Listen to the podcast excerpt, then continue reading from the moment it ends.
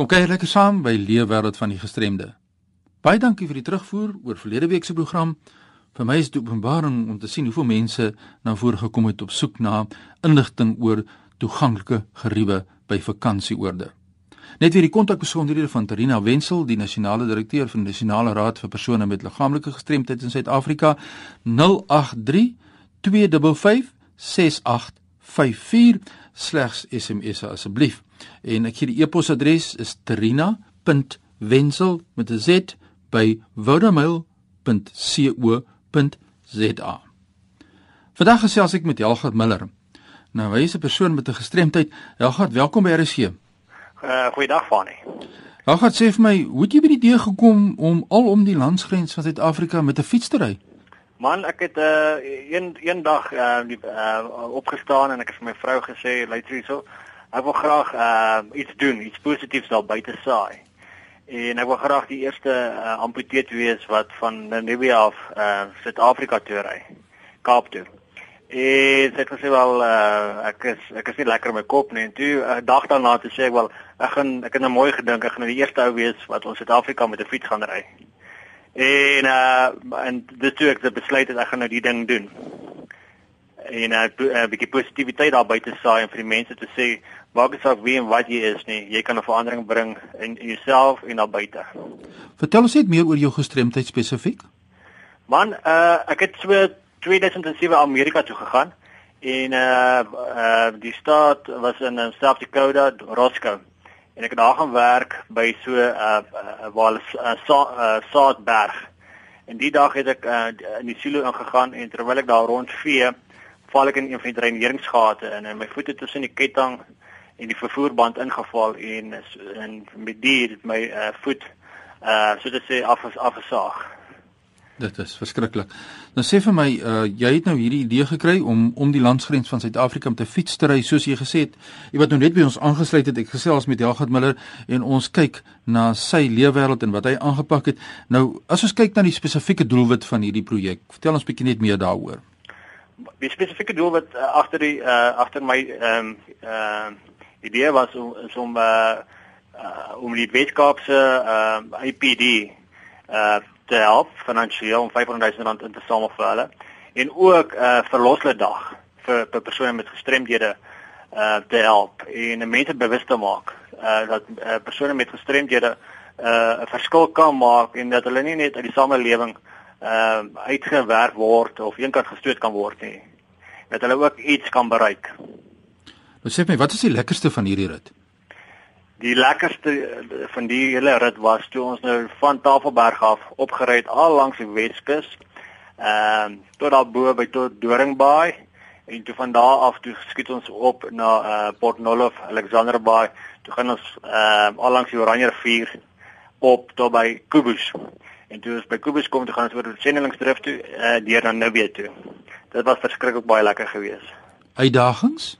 Uitdagings man. Ja, eerste eerste 2 weke was my verskriklik baie erg. Ek het baie druksere gekry op my uh, stompie en blaase. En ek het hom al moet goed met 'n uh, petroleum jelly uh, gesmeer. En kort kort dit omtrent so elke uur soos wat ons gery het. En hom so gesmeer en later dan het hy die veld aantamelik taai geword en sterker geword uh om die toer te doen. Nou sê vir my uh, in die beplanning van hierdie rit uh die veiligheid aspekte. Julle het dit in gedagte, dis natuurlik so, maar is daar uh, insidente gewees wat julle onveilig gevoel het? Man, uh kyk, ek moet sê daar by die Weskus na weer deur was dit uh, tamelik baie veilig op die paaie en die mense ook. En soos wat ons sê nader uh, aan Rustenburg beweeg het, daar tamelik uh met die busse en die uh, publieke vervoerstelsel was dit uh, tamelik baie onveilig en ons moes heeltyd uh die die bakkie agter ons laat ry het. En tot daar by uh uh uh Tabazimbi se kant. Daar van daar af toe raak dit weer veiliger en toe van uh Richards Bay af het ons weer tamelik vervoer gekry die deur uh uh die ou Transkei tot daar by uh, Port Elizabeth. En ons was al twee keer berooflik op die pad. Een keer uh daar by, uh, by Lutsville soos die beursie uit die voertuig gesteel saam met die radio en toe ons daardeur by Kokstad op die grens van die Transkei uh net deurgaan toe word um, die twee bergfietsse gesteel en hier oor die 20000 rand se bagasie, maar gelukkig was die padfietsse een kant, so hulle kon dit nie steel nie.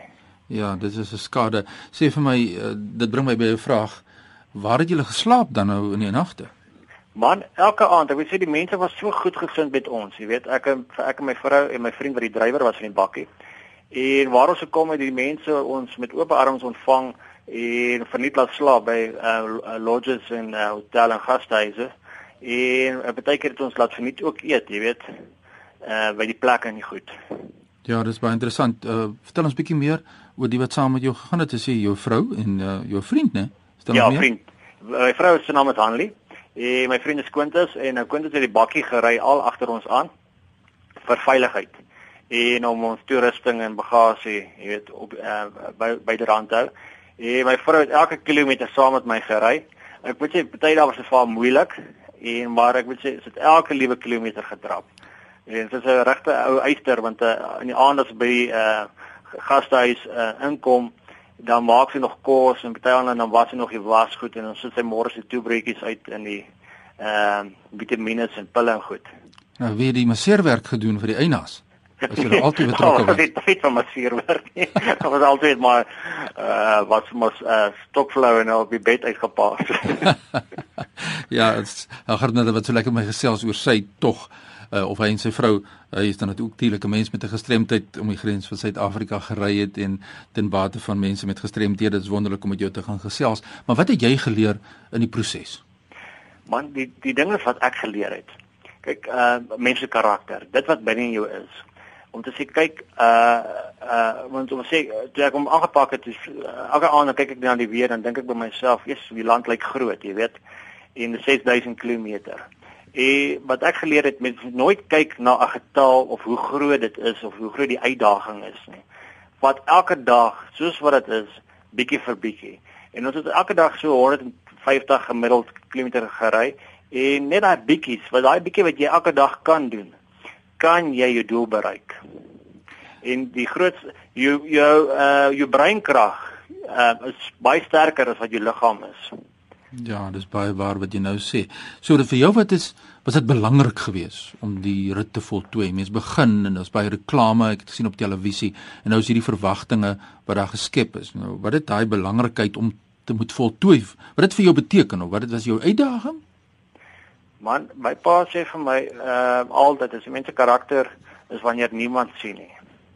Niemand kyk nie, jy weet en ehm uh, dit was vir my absolute uitdaging om elke kilometer te trap en uh vir myself 'n uitdaging om te sê ek het dit gedoen en ek kan nog groter gaan as die 6000 km as ek het om die land gery kan dalk 'n uh, kontinent ry of dalk die aarde omry jy weet.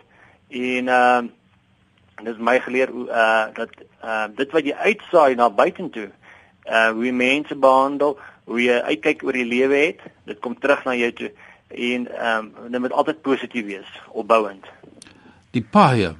Dis 'n teerpad of grondpad soms. Man, uh ons het uh, uh van daar by die Weskus het ons taamlik 'n uh, grondpaaie gery. Ehm uh, so so sit oor by Doringbaai en dan van Alexanderbaai af uh, uh was daar ook grondpaaie. En maar ek wil sê so 80%, 70-80% was alles teerpaaie. Ja, so daarom 'n beter ryvlak gehad. Nou sê vir ja. my Uh, as ons bietjie kyk, kyk na jouself, is daar ander sportsoorte ook waarin jy graag deelneem of aspekte wat ons kan deel met ons? Ek het uh, op skool en na skool het ek altyd lang afstande gehardloop en toe ek nou my been verloor het, toe uh want ek hou daarvan om uh as jy Engels woord endurance sport te doen. Mm. En uh afval toe ek besluit wel ek moet 'n fiets koop, dis al wat ek kan want ek het nie regte protese om te kan hardloop. Ja. Die enigste geld het ek vir my regte protese aanskaf om weer te kan hardloop. Maar jou lewe het verander natuurlik na die ongeluk. Is daar iets wat jy kan uitlig vinnig vir ons ons program is besig na die einde se kant toe te staan. Wat kan jy vir ons daar sê? Hoe het jou lewe verander? Uh om dit wat na jou toe kom onverwags uh maak nie slag saak hoe sleg dit is na jou toe kom nie. Ek het nooit gedink in my lewe ek sal my been ooit verloor of 'n ledemaat verloor nie. Uh om dit te kan verwerk in uh, in met positiwiteit. En ek het vir myself ek het in my baie gebid en vir Here gesê uh dat ek nooit negatief, want ek was baie negatief in die begin ja. om dit weg te werk van my af. En deur die krag van bo het ek dit gedoen. En uh afval en uh, ek moet sê dis my trots. My my been wat af is is my trots en dis my sterkpunt. Ek het dit my sterkpunt gemaak. Ja. Daar buite as ek so loop in die straat ook, ek is trots om om te wys ek is uh amputeerd. Ja, en dit is 'n uitdaging vir jou en as jy een enkele aanpassing kan uitwys so ter samevatting van ons gesprek wat jy moes maak dalk fisies of dalk emosioneel wat sou jy sê is dit die aanpassing wat ek moet gemaak het is uh om die mense uh om my ek was verskriklik uh aggressief geweest daarna om hulle in altyd in konsiderasie te bring my gevoelens ja. en ek moes dit self ek moes dit binne myself hanteer het en nie hulle buite nie na buite toe bring en hulle ehm um, wegstoot en seermaak nie. En ek het met sê ek het my ouers en my broer en dan my vrou uh, het ek baie keer seer gemaak, jy weet, deur die woorde en deur die optredes wat ek na buite toe gebring het daai eerste jaar. En nou het jy die geleentheid om terug te ploeg. Jy het nou die leksheid om terug te kyk en ek kyk Amen. ook in my eie lewe. Ek het ook die leksheid om terug te kyk oor 30 jaar van gestremd wees en nou dat ek kan hoor na kokleaire implantings en met my kinders en familie te deel en te kan bespreek nie. So mense daardie leksheid wat 'n mens kan nou terugkyk en dan terugploeg. So Helgard is my ongelooflik om te sien as mense met gestremthede hierdie bydrae maak soos wat jy nou gemaak het al om die landsgrense van Suid-Afrika gereis en hierdie wonderlike motiverings uh, boodskap wat jy vir ons het. As daar mense is wat graag met jou wil gesels op 'n persoonlike vlak of dalk iets met jou wil deel, waar kry hulle jou in die hande? Man, al my besonderhede is op uh, www.helhartmiller.com en uh, my Twitter is ook millerhelhart en uh, alles al my besonderhede ek eintlik kry op my uh, webtuiste. Nou ja, daar is sien dit is www.helhartmiller een woord, helhart met 'n d.com en daar kry jy al die inligting rakende die leefwêreld van Helgard Miller. Helgard, ons is baie trots op jou en baie dankie dat jy tyd afgestaan het om met ons te gesels en baie sterkte en hou ons op hoogte van die volgende avontuur in jou lewe. Ag nee, dankie vir ek waardeer dit. Ek sal net so maak. Nou ja, as jy enige insette het in hierdie program of 'n boodskap of 'n storie wil deel met ons, stuur sommer nou 'n e-pos aan my by fani.dt@mweb.co.za. Jy kan my volg op by op Twitter by Fani Dreams. Ons gesels graag saam. Groetens tot volgende week.